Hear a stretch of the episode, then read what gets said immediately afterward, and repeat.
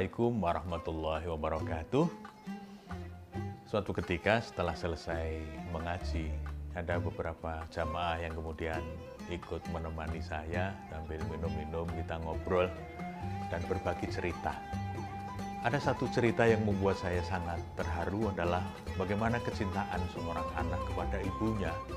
Karena kebetulan ibunya sudah sepuh, tinggal sendiri dan tidak ada yang merawat maka yang dilakukan oleh anak laki-lakinya yang kebetulan hadir di situ. Ada temennya yang kemudian menyampaikan, Ustadz sahabat kita ini orang yang luar biasa. Oh, orangnya sudah setengah umur, memang luar biasa. Apa yang luar biasa? Beliau memutuskan untuk keluar dari pekerjaannya sebagai ASN, dulu PNS, untuk merawat ibunya. Luar biasa, anak yang berbakti kepada orang tua, dengan penuh kecintaan. Tidak terpaksa, tapi penuh kecintaan. Bukan karena terpaksa, karena nggak ada yang lain yang bisa merawat, tapi karena beliau sendiri yang memilih biar ibu saya yang merawat. Dan saya sudah cukup bekerja, saya berhenti dari pekerjaan dan saya ingin merawat ibu. Saya ingin membahagiakan ibu di saat-saat terakhir. Itu tentu bukan tanpa sebab. Saya yakin cinta yang berbalas seperti itu karena kecintaan ibu juga yang tulus kepada anaknya itu. Anak ini merasa sangat dicintai oleh ibunya. Itulah yang di dalam bahasa psikologi sering disebut dengan istilah reciprocal liking. Rasa suka, rasa tertarik, rasa cinta itu bersifat resiprokal. Resiprokal itu maksudnya adalah timbal balik. Rumusnya adalah If I like you, you like me. Jadi kalau saya suka kepadamu, saya cinta kepadamu, maka kecenderungannya kamu juga akan suka, akan cinta kepadaku. Maka dalam urusan attraction, urusan daya tarik ini, salah satu resepnya adalah bagaimana kita yang terlebih dahulu menunjukkan perhatian, menunjukkan simpati kepada orang lain, supaya orang lain juga menunjukkan perhatian atau simpatinya kepada kita. Cinta atau yang di dalam bahasa Inggris biasanya kita sebut dengan love itu tidak hanya kata kerja, tetapi love itu juga bisa menjadi kata kerja. Itu artinya apa? Cinta itu sebuah proses. Cinta itu tidak seperti batu yang tiba-tiba jatuh teronggok, tidak. Tetapi seperti roti yang harus diperbaharui setiap all the time. Supaya apa? Cintanya tumbuh.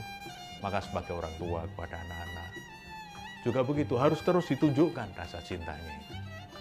Anak-anak kepada orang tua sesama pasangan itu juga harus ditunjukkan terus menerus supaya apa? Saling mencintai. Nah di dalam agama juga begitu. Ada mekanisme yang resiprokal. Misalnya dalam riwayat Imam Ahmad hadis nomor 2666 Ta'aruf ilallah firraha ya'rifka fisiddah Ngertilah dengan Allah pada saat kamu longgar. Berzikirlah kepada Allah pada saat kamu longgar. Ya'rifka fisiddah Maka Allah juga akan jadi ngerti ke kita. Allah juga akan mengingat kita Fisiddah ketika kita sedang dalam keadaan sulit menderita, kita sedang butuh dibantu, maka Allah akan memberikan bantuan. Tetapi syaratnya adalah ta'aruf ilallah. Kita harus ingat kepada Allah.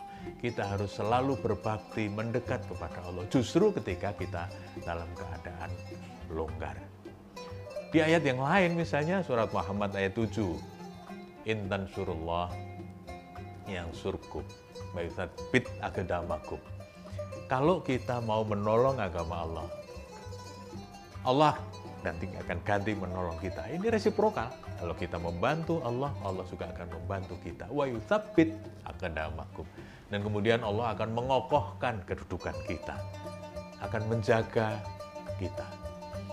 Nah, bagaimana caranya supaya cinta ini bisa lebih berkualitas supaya relasi kita dengan sesama bahkan dengan Allah Subhanahu wa taala itu menjadi semakin baik.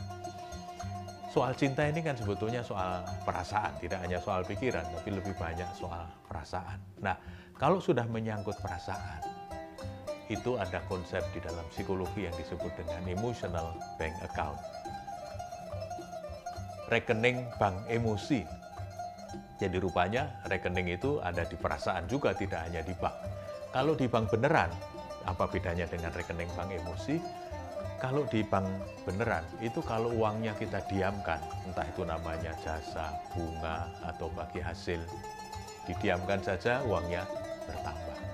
Tapi kalau soal perasaan, itu kalau didiamkan, itu turun. Kualitasnya akan turun.